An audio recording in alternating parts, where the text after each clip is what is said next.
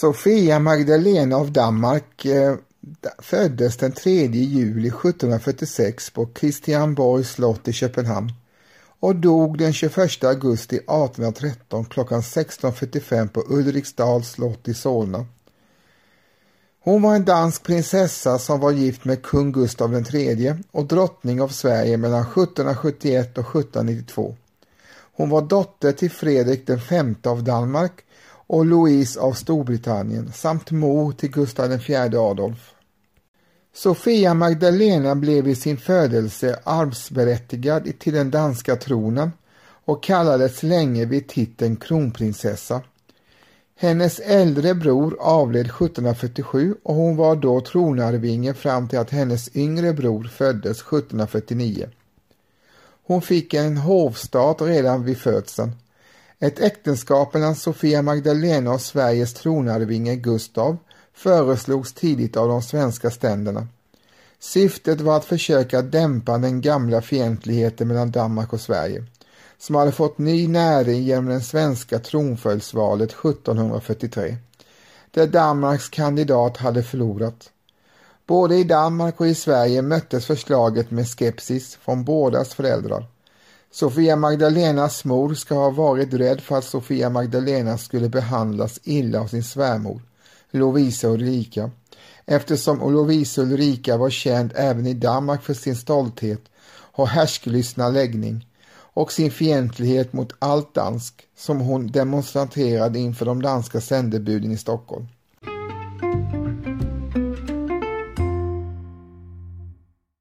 Lovisa Ulrika ställde som villkor att Sofia Magdalena skulle uppfostras i Sverige för att hon skulle gå med på saken.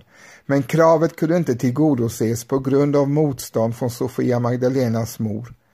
Våren 1751 blev trolovningen officiell.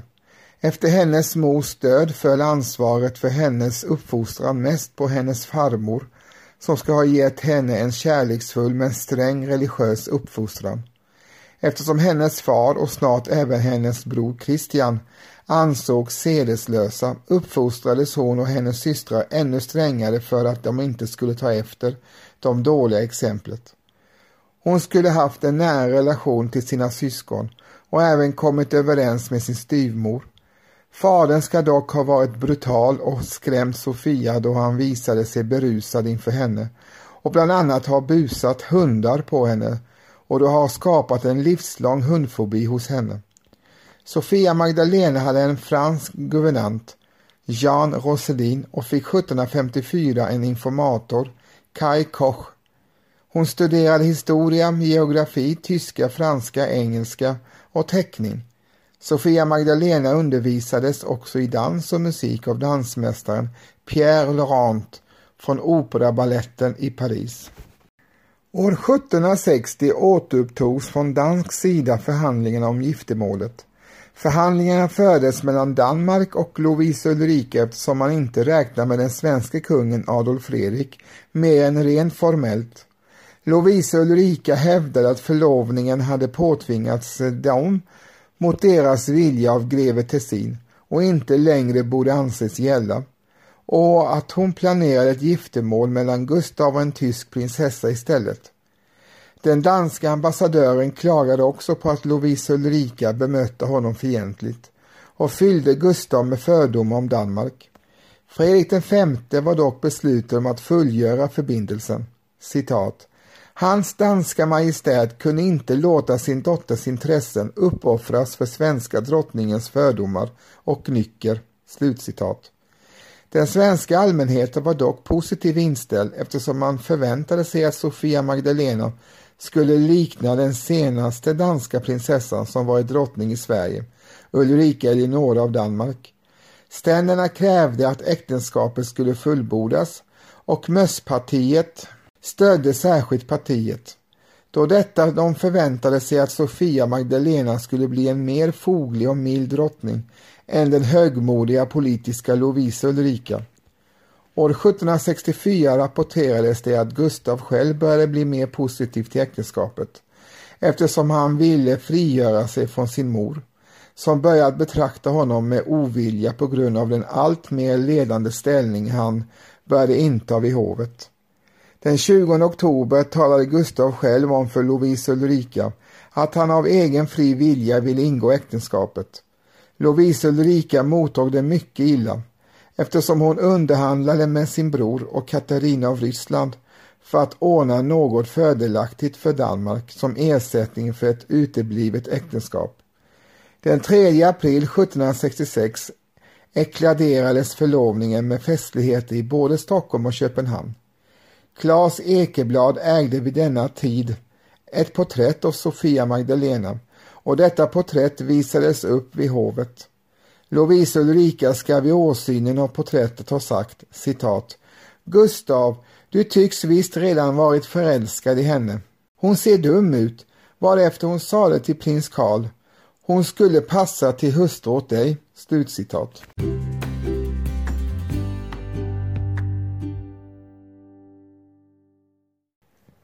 Den 1 oktober 1766 vigde Sofia Magdalena med Gustav i Kristianeborgs slottskyrka i Köpenhamn, där brodern Fredrik var ombud för brudgummen. Parallellt skedde i Danmark också vigsel per ombud mellan hennes bror, kungen, och dennes brud. Det ansågs dock viktigt att hon lämnade Danmark före sin nya svägerskas ankomst. Sofia Magdalena färdades i en förgylld slup från Kronborgs slott i Helsingör över Öresund till Helsingborg i Sverige. Då slupen hunnit halvvägs eh, tystnade den danska kanonsaluten och den svenska tog vid. I Helsingborg välkomnades hon av Gustav, det danska sändebudet Schack och sin svåger prins Karl av Hessen som hade ankommit kort före henne samma dag. Då hon steg i land blev Gustav rädd att hon skulle falla i och han sträckte henne därför ut handen med orden citat Akta er madame, slutcitat. Denna replik blev därför mycket omtalad vid det svenska hovet och föremål för mycket skvaller. Därefter följde Gustav henne till Örebro innan han återförenades med henne i Västerås. Sofia Magdalena mötte kung Adolf Fredrik på Stärkets herrgård den 27 oktober 1766. Dagen innan hade hon där informellt också mött sina två svågrar. Hon blev väl behandlad av sin svärfar och svågrar under sin tid i Sverige. Därefter mötte sällskapet Lovisa Ulrika och Sofia Albertina på Säby bruk. Mötet mellan Lovisa Ulrika och Sofia Magdalena ska ha gått mycket bra på grund av den underdånighet Sofia Magdalena visade. 28 oktober färdades Sofia Magdalena och Gustav i en slup från Karlbergs slott till Drottningholms slott där hon formellt presenterades vid hovet och själv gav kaur följt av teatrar, middag och bal. Och dagen därpå likadant. Den närvarande grevinnan Ebba Bonde beskrev det, citat. Min Gud vad hon är skön, hördes genast från alla munnar.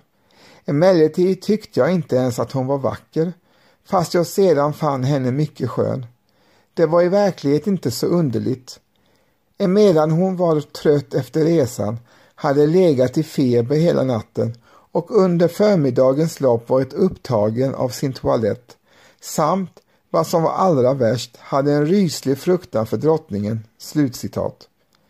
Sofia Magdalena välkomnades sedan till Stockholm den 4 november. Den andra vigsel förrättades i Slottskyrkan på Stockholms slott samma kväll följt av fackeldans i rikssalen som hade varit en tradition vid kungliga bröllop sedan Erik XIVs tid på 1500-talet. På de påföljande balerna som hölls för att fira bröllopet under resten av sällskapssäsongen gjorde Sofia Magdalena ett gott intryck på den svenska adeln med sitt utseende, sin elegans och sitt sätt att dansa. Hon kunde vid denna tid inte tala svenska, men franska var vid denna tid språket som användes vid det svenska hovet.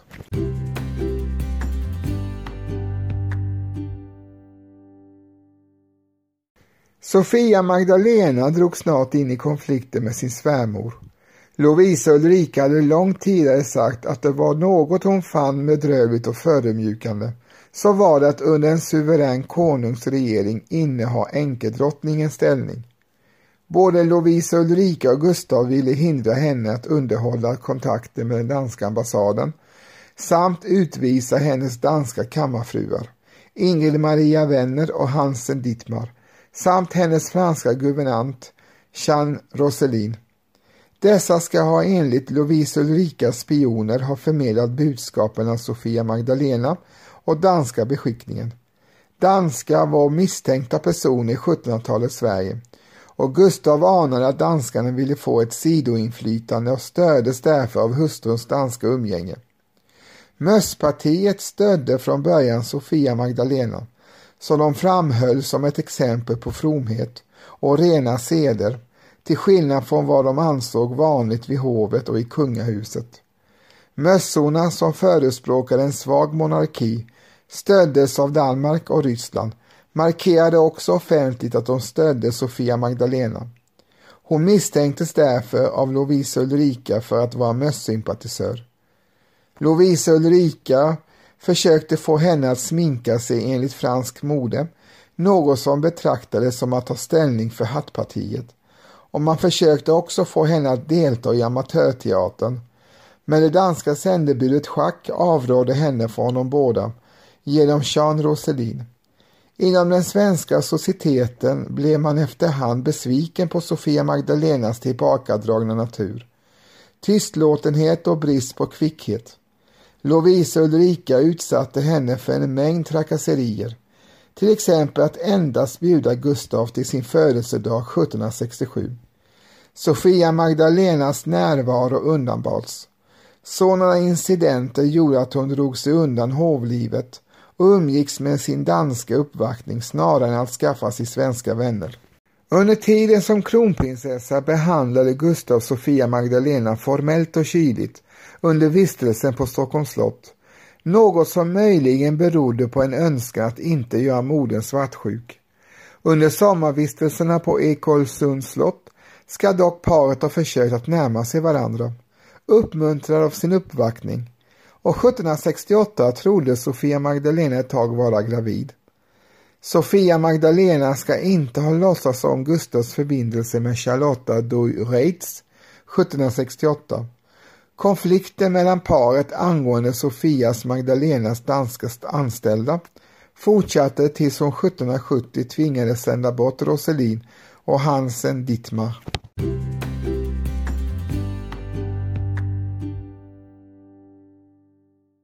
Sofia Magdalena är kanske mest ihågkommen för svårigheterna i sitt äktenskap, då den främsta uppgiften för en drottning var att producera en tronarvinge var det sexuella samlivet mycket viktigt. Äktenskapet blev inte fullbordat förrän 1775, 11 år efter giftermålet. År 1772 talade Gustav med Axel von Fersen den äldre om skilsmässa, vilket han dock avrådde ifrån. Gustav hade först tanken att överlåta ansvaret att producera en arvinge på sin bror Karl, varför han år 1774 arrangerat äktenskap mellan Karl och kusinen Hedvig Elisabeth Charlotta av Holstein-Gottorp. När Hedvig Elisabeth Charlotta år 1775 fick missfall fattade då Gustav beslutet att fullborda sitt äktenskap. Då paret var osäkra på hur fullbordandet av äktenskapet skulle gå till och båda hade anatomiska problem som försvårade saken erbjöd sig hovstallmästare Adolf Fredrik Munk att agera som sexualinstruktör. Han var närvarande i ett rum bredvid sängkammaren tillsammans med hovdamen Anna-Sofia Ramström då äktenskapet fullbordades och kallades även in vid ett antal tillfällen under vilka han även tvingades röra vid de båda två för att visa dem till rätta. Då kronprins Gustav föddes 1778 fick Munk gåvor från både kungen och drottningen för sin hjälp. Detta gav upphov till många rykten om hur Munk sexualundervisning egentligen hade gått till. Det vanliga ryktet var att det var i själva verket var Munk som var far till barnet. Det fanns även ett rykte om att Sofia och Munk hade ingått ett hemligt äktenskap. Dessa rykten användes av den politiska oppositionen så sent som 1786 och 1789 där det hävdades att hela nationen känner till att kungen bett Munk att göra drottningen gravid. Dessa pamfletter postades i gator över hela Stockholm. Skandalen spreds även i societeten av bland annat Anna Charlotta Sjödenhjelm och Eva Helena Löfven. Hovmedikus Sven Anders Hedin som var gift med Sofia Magdalenas kammarfru Charlotta Hellman uppger att han sommaren 1780 en dag blev nyfiken på för att få se hur drottningens sängkammare såg ut och att han gick då dit och han trodde att rummen var tomma. Han uppger att han då genom en halvöppna dörren fick se Sofia Magdalena och Munk omfamna varandra. Han gnolade då på en visa för att förvarna dem och drog sig sedan tillbaka. Några dagar därefter ska han ha funnit tre paket dyrbara hovdräkter på sitt rum. Denna berättelse har citerats av forskare och historiker som en del i skandalen kring Munk. Hedin uppger också att han i oktober 1781 såg Gustav öppet på väg till Sofia Magdalenas sängkammare. Gustav den tredje frågade då Hedin vilket datum det var och denne svarade då han tillade skämtsamt citat om nio månader kan jag svara precis slutcitat vilket Hedin antyder var ett sätt för Gustav att be honom agera vittne om det återigen skulle förekomma rykten kring faderskapet. År 1787 deponerade Sofia Magdalena 50 000 riksdaler på Munks konto, vilket åter väckte liv i skvallret som kallade det en avskedsgåva, då Munk vid denna tid inlett ett förhållande med Giovanna Bassi, som Sofia Magdalena enligt Hedvig Elisabeth Charlotta tyckte mycket illa om. Gustav III blev då förfärad över att folk skulle få veta om depositionen och försökte hålla transaktionen hemlig. Även detta enligt svägerskan, vilket dock inte lyckades. Denna historia filmatiserades, dramatiserad och visades i SVT år 2001 som Gustav IIIs äktenskap. Rykten om Munk som far till Gustav Adolf avtog när kungaparet, efter att Sofia Magdalena haft ett missfall, fick sitt andra barn 1782. Carl Gustav hette han och han blev hettig av Småland. Han avled dock efter ett halvår. I maj 1784 ska Sofia Magdalena ha fått ett missfall till och därefter omtalas inga fler graviditeter och paret tycks ha avslutat sin intima relation.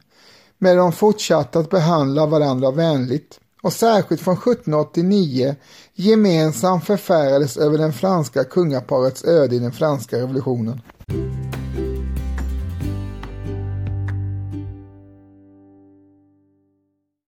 Sofia Magdalena kröntes den 29 maj 1772 till svensk drottning.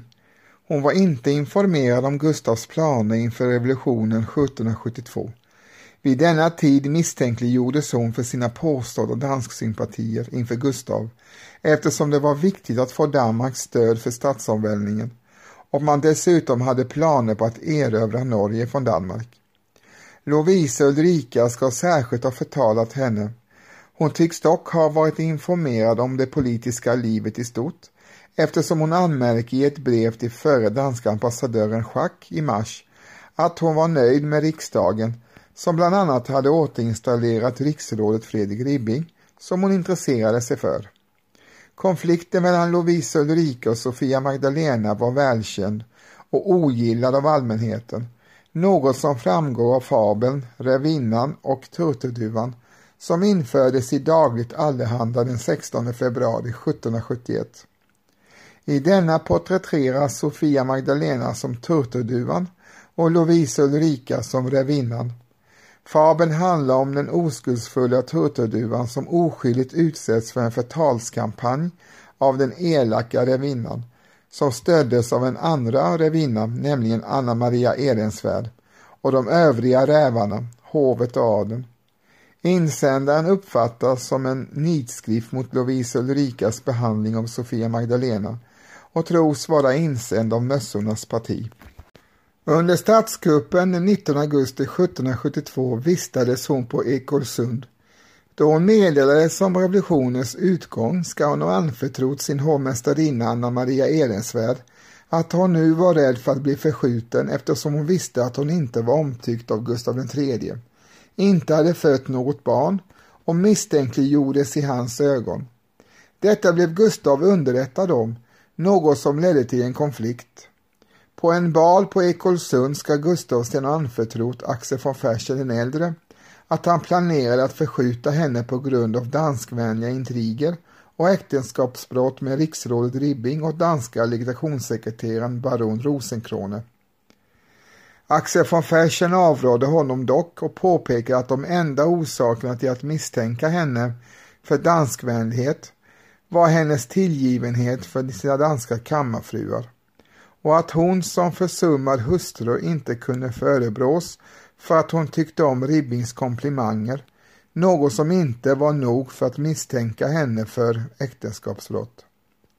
Hennes kontakter med Rosenkrone ska ha handlat om att han förmedlade hennes brev till Danmark. Ribbing hade under denna tidpunkt ofta setts i hennes sällskap och smickrat henne, något som av ärensvärd inför kungen hade beskrivits som äktenskapsbrott. Ribbing ska ha fått drottningen att skratta bland annat genom att karikera Ehrensvärd.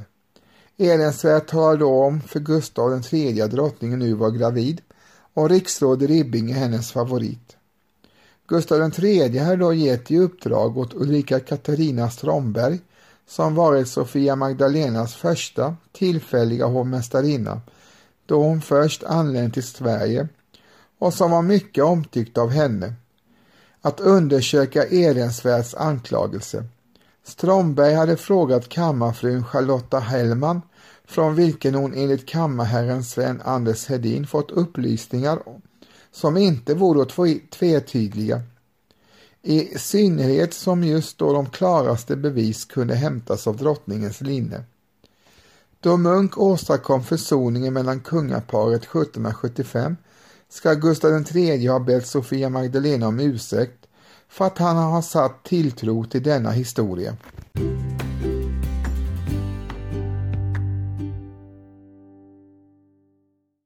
Sofia Magdalena hade fått en religiös uppfostran och var en av tyst och allvarlig karaktär som hade svårt att anpassa sig till sin makes nöjeslystna hov. I egenskap av drottning fick hon stora representationsskyldigheter, ännu fler än sin företrädare eftersom Gustav III ville efterlikna det franska hovet i fråga om ceremonier och etikett. Hon utförde sina ceremoniella skyldigheter plikttroget men tyckte inte om sällskapsliv utan trivdes bäst då hon fick vara i fred med några få vänner. Sofia Magdalenas svägerska Hedvig Elisabeth Charlotta beskriver henne som vacker men också kall, stel och stolt. Hon var ytterst artig och medveten om etikett och kände sig förolämpad av makens liknöjdhet. Tystlåtenheten och högdragenheten gjorde att man inte var avslappnad i hennes sällskap. Hon beskrivs som indolent och som omväxlande vänlig och isande kylig till humöret. Hon hade två nära vänner, Maria Aurora Uggla och Virginia Charlotta Mandelström, men föredrog annars ensamheten. I representativa sammanhang ansågs hon fylla sin roll väl. Hon kunde uppträda helt enligt vad formella tillfällen krävde och uppfattades som värdig och imponerande. Den 17 september 1784 klippte hon till exempel av snöret för att släppa ut en av Sveriges första luftballonger från observatoriet i Stockholm.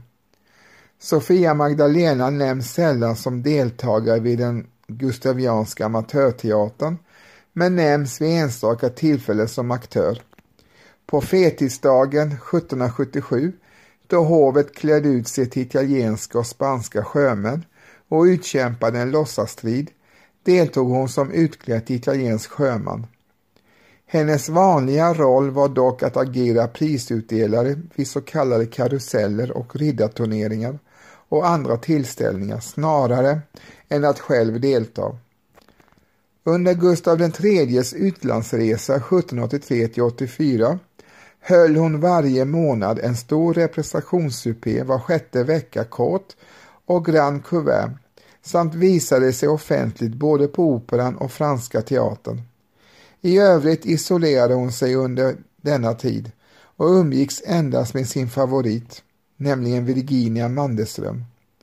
Under Gustavs frånvaro gjorde Sofia Magdalena små utflykter på Malmarna vid Ulriksdal, endast i sällskap med en enda stadsfru och två lakejer. men tvingades sluta med detta eftersom det ansågs opassande. Efter Gustavs italienska resa inträdde en slutlig brytning mellan Sofia Magdalena och Gustav, som då alltmer uteslutit henne från sitt sällskap till förmån för Gustav Maurits Amfelt, med vilket han deltog i intima supéer i rum som han hade avdelat från Sofia Magdalenas våning på slottet och gett till Amfelt.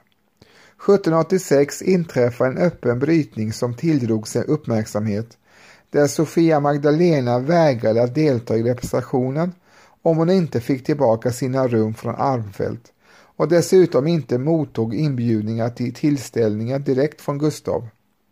Denna strejk var effektiv och Gustav gick med på hennes villkor efter medling av Munk och Mandelström men infriade inte sina löften. Sofia Magdalena förbjöd också sina hovdamer att besvara inbjudningar från kungen om de inte hade fått hennes tillstånd. 1787 inträdde en ny konflikt där hon vägrade låta kungen medföra sonen Gustav till Finland och hotade att ta både allmänheten och ständerna till hjälp för att genomdriva sin vilja. Hon anklagade honom också för att låta sina gunstlingar förtala henne inför sig. Gustav III ska vid denna tidpunkt ha sagt att han trivdes bättre denna tid då hon inte hade någon egen vilja. 1788 motsatte hon sig framgångsrikt hans planer att ta med sig sonen till Finland.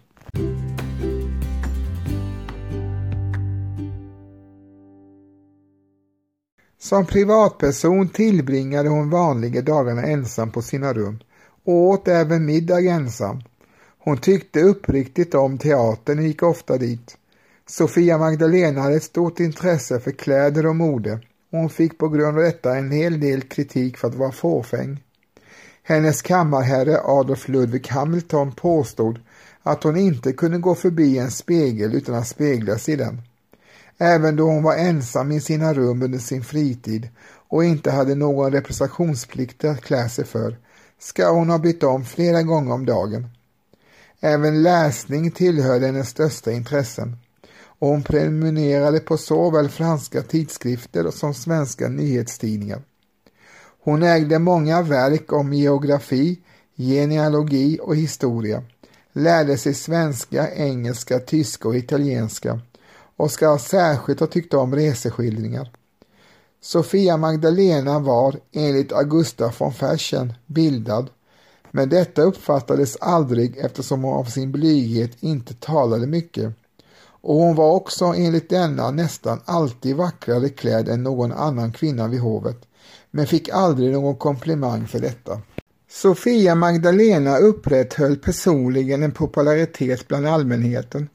På sin namnsdag Magdalenadagen den 22 juli 1788 då Gustav III befann sig i Finland mottog Sofia Magdalena, som då befann sig på Ulriksdal, en hyllning som blev mycket omtalad ända bort till Finland. Skådespelaren Abraham de Broen begav sig då mot teaterdirektionens vilja ut med en lustjakt tillsammans med en del av Dramatens personal och sällskapet Augustibröder, bland annat Carl Michael Bellman, och uppförde sedan ett poem skrivet av Bellman, Kanon på drottningens höga namnsdag, till medhavda salutkanoner utanför slottet. En finskfödd handelsbekänt, Erik Grönfors, utsatte vid denna tid Sofia Magdalena för en förföljelse då han hade förälskat sig i henne, iakttagit henne då hon visade sig offentligt och tog sig in i hennes rum och lämnade kärleksbrev i hennes sovrum. Han utvisades i all tysthet av Stockholmspolisen till Finland.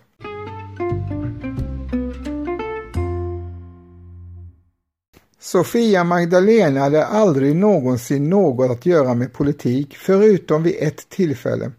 I augusti 1788 under det rysk-svenska kriget gav Gustav III henne i uppdrag att fredsförhandla med Danmark och försöka förhindra att Danmark förklarade krig mot Sverige under pågående krig med Ryssland.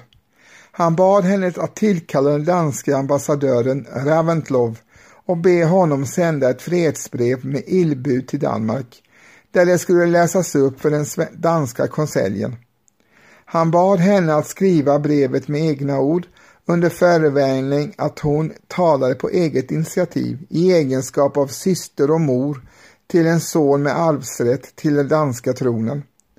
Sofia Magdalena följde instruktionerna, tillkallade danske ministern, höll ett tal till honom följt av ett långt samtal och räckte honom sedan ett långt brev skrivet som en varm vädjan till sin bror danske monarken. En kopia sändes till Gustav III och hennes brev upplästes för Kristian VII av Danmark i danska statsrådet. Och drottningens brev till danska hovet skall ha gjort mycket intryck därstädes.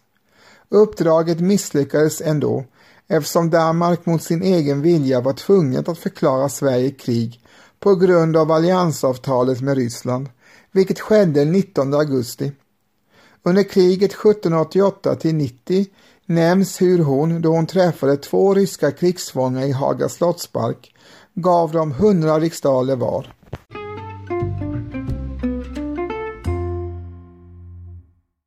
Vid riksdagen 1789 lät Gustav III fängsla många ur adelstånden som visade sig oppositionella mot hans krigspolitik. Denna åtgärd gjorde att han bojkottades av adelns kvinnliga medlemmar i sällskapslivet som på detta sätt visade sitt politiska sympatier. Ledda av Sofia Albertina och Hedvig Elisabeth Charlotta. Sofia Magdalena ogillade också hans åtgärder men ska enligt samtida källor ha vägrat tillåta någon i hennes omgivning att politisera. Ändå inträffade en konflikt under denna tid. Gustav III ska, då han ville informera sin son om händelserna, ha upptäckt att sonen var mer välinformerad än han borde vara och misstänkte att sonen hade blivit informerad hos sin mor. Han bad kronprinsens guvernör Nils Gyllenstolpe att tala med Sofia Magdalena, men denne sände istället kungens gunstling Erik Boye. Sofia Magdalena blev så svårt förolämpad av att bli uppläxad av en av kungens gunstlingar om hur hon skulle tilltala sin son, att hon skällde ut henne och sade att endast hennes förakt för honom hindrade henne från att få honom utkastad genom fönstret.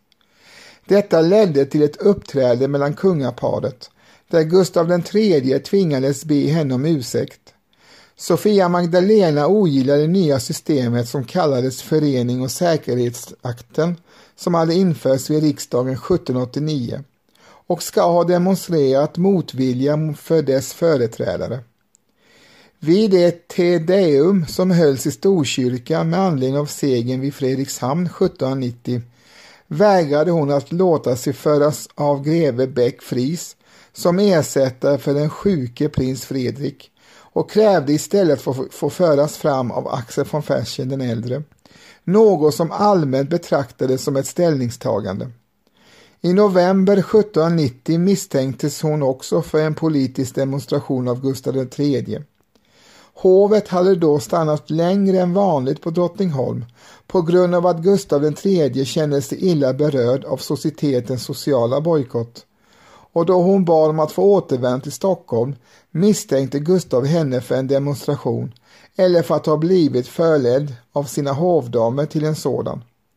Hennes avresa innebar också att han skulle beröras allt kvinnligt sällskap eftersom hovdamerna då skulle följa henne. Särskilt Hedvig Ulrika de la Gardie och Augusta von Fersen som då fortfarande umgicks med honom. Han förbjöd henne att resa med Munk som medlare, som hon dock gjorde ändå. 1791 besökte Sofia Magdalena Hagapaviljongen där Gustav III nu tillbringade allt mer tid då han bojkottades ur societetens sällskapsliv och där han påstås ägna sig åt orgier. Sofia Magdalena kom utan förvarning och fann Gustav III till sängs. Han bad Fabian Vrede att visa henne runt och Vrede visade henne rummen. I kungens privata rum fann de skådespelaren och lakejen Lars Hjortsberg som sov naken. Sofia Magdalena sade då att Vrede måste ha visat henne betjäningens rum istället för kungens rum av misstag och inte kunde vara hemmastad på Haga. Gustav III fattade vid denna tid misstankar mot Sofia Magdalena på grund av hennes ogillande av hans politik. hans danskfientlighet och planer mot Norge. Inför sin resa till tyska Aachen 1791 gav han order om att kronprinsen skulle separeras från sin mor under hans bortavaro och bo på Haga snarare än hos modern på Ulriksdal. Detta ledde till ett offentligt uppträde på teatern där Sofia Magdalena uppsökte kungen i hans loge, krävde att få tillgång till sonen och till slut utbrast citat Jag ska hämnas monsieur, jag ger ett mitt heliga löfte därom. Slutcitat.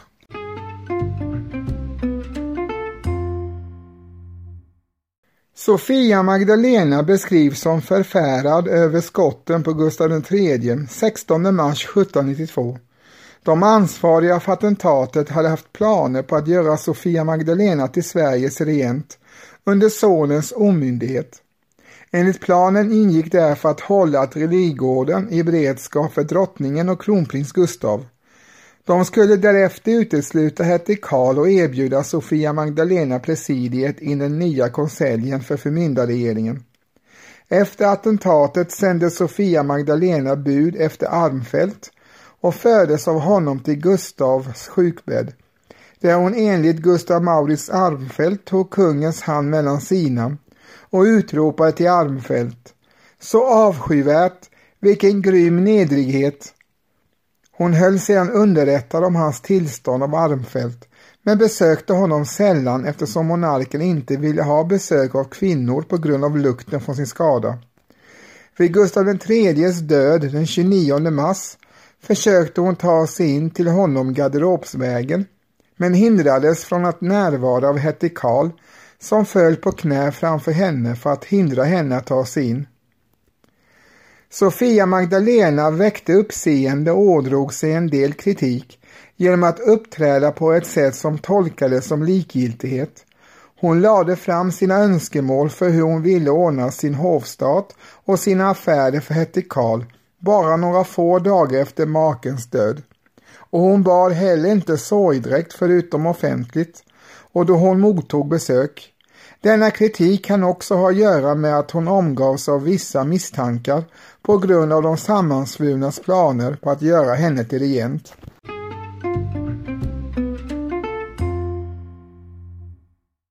För Sofia Magdalena var det en lättnad att slippa ett offentligt liv.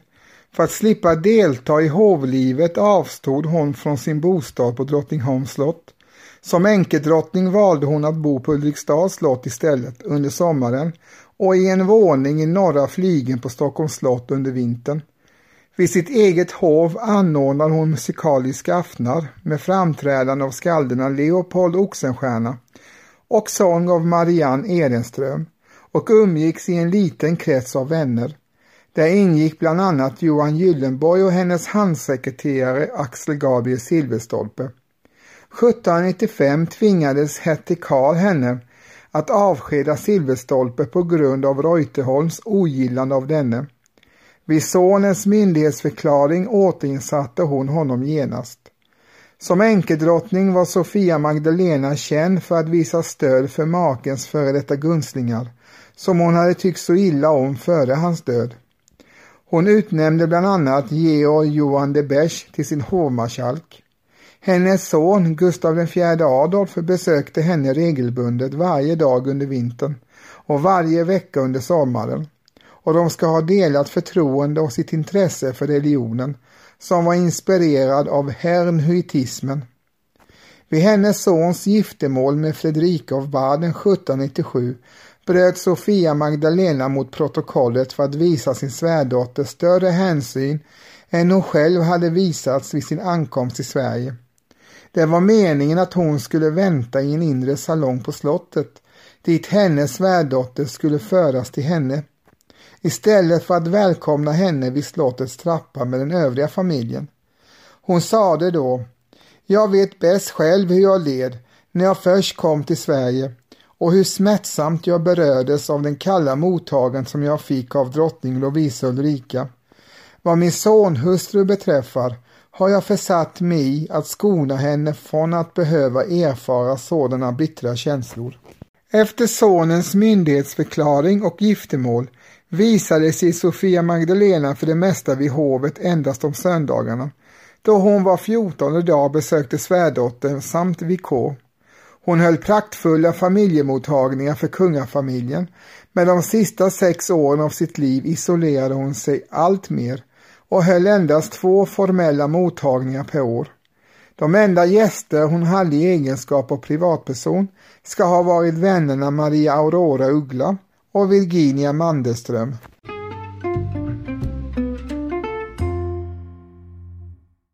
Sofia Magdalena reagerade med förtvivlan på statskuppen 1809 då Gustav IV Adolf avsattes. Vid statskuppen på slottet meddelades hon vad som hade hänt av Maria Aurora Uggla och försökte genast ta sig in till monarken men förhindrades av vakter och brast då ut i gråt i armarna på Uggla. Kort därpå besöktes hon av hertig Karl som kom med en skott av vakter. Han meddelade Sofia Magdalena vad som hade hänt och nekade på hennes upprepade böner att få träffa sonen. Hon ska vid detta tillfälle ha gråtit. Då hon under Gustav Adolfs fångenskap återigen sökte Karls tillstånd att få träffa sin son och fick ett nekande svar med hänvisning till att hon behövde regeringens tillåtelse, ska hon offentligt ha sagt citat man begärde inte ett riksens ständers tillåtelse att mörda min man, icke heller att avsätta min son från tronen och att arrestera honom, men jag måste hava deras tillåtelse för att få tala med mitt barn. Slutcitat. Hon fick aldrig tillstånd att få träffa Gustav Adolf igen, men hon tog farväl av sin svärdotter och barnbarnen och dessa fick tillstånd att återförenas med Gustav Adolf innan de förvisades från landet. Hon brevväxlade med Gustav Adolf i resten av sitt liv. Sofia Magdalena valde att stanna i Sverige efter sin sons utvisning. I januari 1810 presenterades hon för den nya tronföljaren Karl August som stannade framför porträttet av hennes sonson och meddelade Sofia Magdalena att han ämnade adoptera honom till tronföljare. Den 2 november 1810 presenterades hon för den nya tronföljaren Karl Johan. Karl Johan ska ha varit rädd för att hon inte ville ta emot honom, men hon hade då sagt Jag är varmt tacksam för kronprinsens hänsynsfullhet, men han misstar sig om han tror att jag ogärna träffar honom. Det vore bra orättvist om jag skulle hysa den minsta motvilja mot honom, ty han har ju inte avsatt min son. Vid mötet ska Sofia Magdalena först ha blivit vit i ansiktet, men hon ska snart ha blivit förtjust över Karl Johans charm. Då han gått sade hon, han är mervelistisk lik salige kungen. Hon träffade honom dock sällan. Under 1812 till 13 umgicks hon mycket med den unga amatörbotanikern friherre Anton Fredrik Wrangel som planerade att skriva ner sina minnen av henne. I september 1812 presenterades författaren och salongsvärden Germaine de Stil för henne i det vita rummet på Stockholms slott. Denne skrev då om henne, citat, Hennes Majestät analyserade mina böcker som en begåvad kvinna vars omdöme visade lika mycket grundlighet som fin känsla. Aldrig har någon imponerat så på mig som er drottning. Jag vågade knappt svara henne så slagen blev av den konungsliga gloria som strålade kring henne. Den ingav mig till och med en sådan vördnad att jag darrade. Slutcitat. När Karl Johan i december 1812 utfärdade ett förbud för all brevväxling med den före detta kungafamiljen bad Germain de Stil att det skulle göras ett undantag för Sofia Magdalena och hon blev också det enda undantaget förutom monarken fast hon tvingades att låta utrikesministern Lars von Engström läsa breven innan de skickades. Sofia Magdalena plågades under en längre tid av en ögonsjukdom och vacklande hälsa. Efter att hon drabbats av ett slaganfall i maj 1813 avled hon på Ulriksdals slott den 21 augusti 1813. Hon begravdes i det gustavianska gravkoret i Riddarholmskyrkan i Stockholm. Ni har precis hört mig, Nicky Grozanowski, berätta den spännande historien om drottning Sofia Magdalena Den danska prinsessan som fick en tuff start i Sverige, mycket beroende av sin svärmor Lovisa Ulrika, drottning av Sverige då, och hennes förtalskampanj gentemot henne som inte var nådig. Men trots det så gjorde Sofia Magdalena ett gott intryck med sin godhjärtade framförhållning och eh, medmänsklighet. Eh, jag bor i Algusboda socken som ligger i Emmaboda kommun i Kalmar län i Småland. Och kyrkan här är faktiskt uppkallad efter Sofia Magdalena. För den 5 oktober 1770 invigdes den nya kyrkan av biskop Olof Osander. Den fick då namnet Sofia Magdalena sedan kungliga hovet gett sitt godkännande. Motiveringen från Algusbodas sida var att danska kronprinsessan Sofia Magdalena hade landstigit på svensk mark samma år som grunden till kyrkan lades, nämligen år 1766. Spännande va?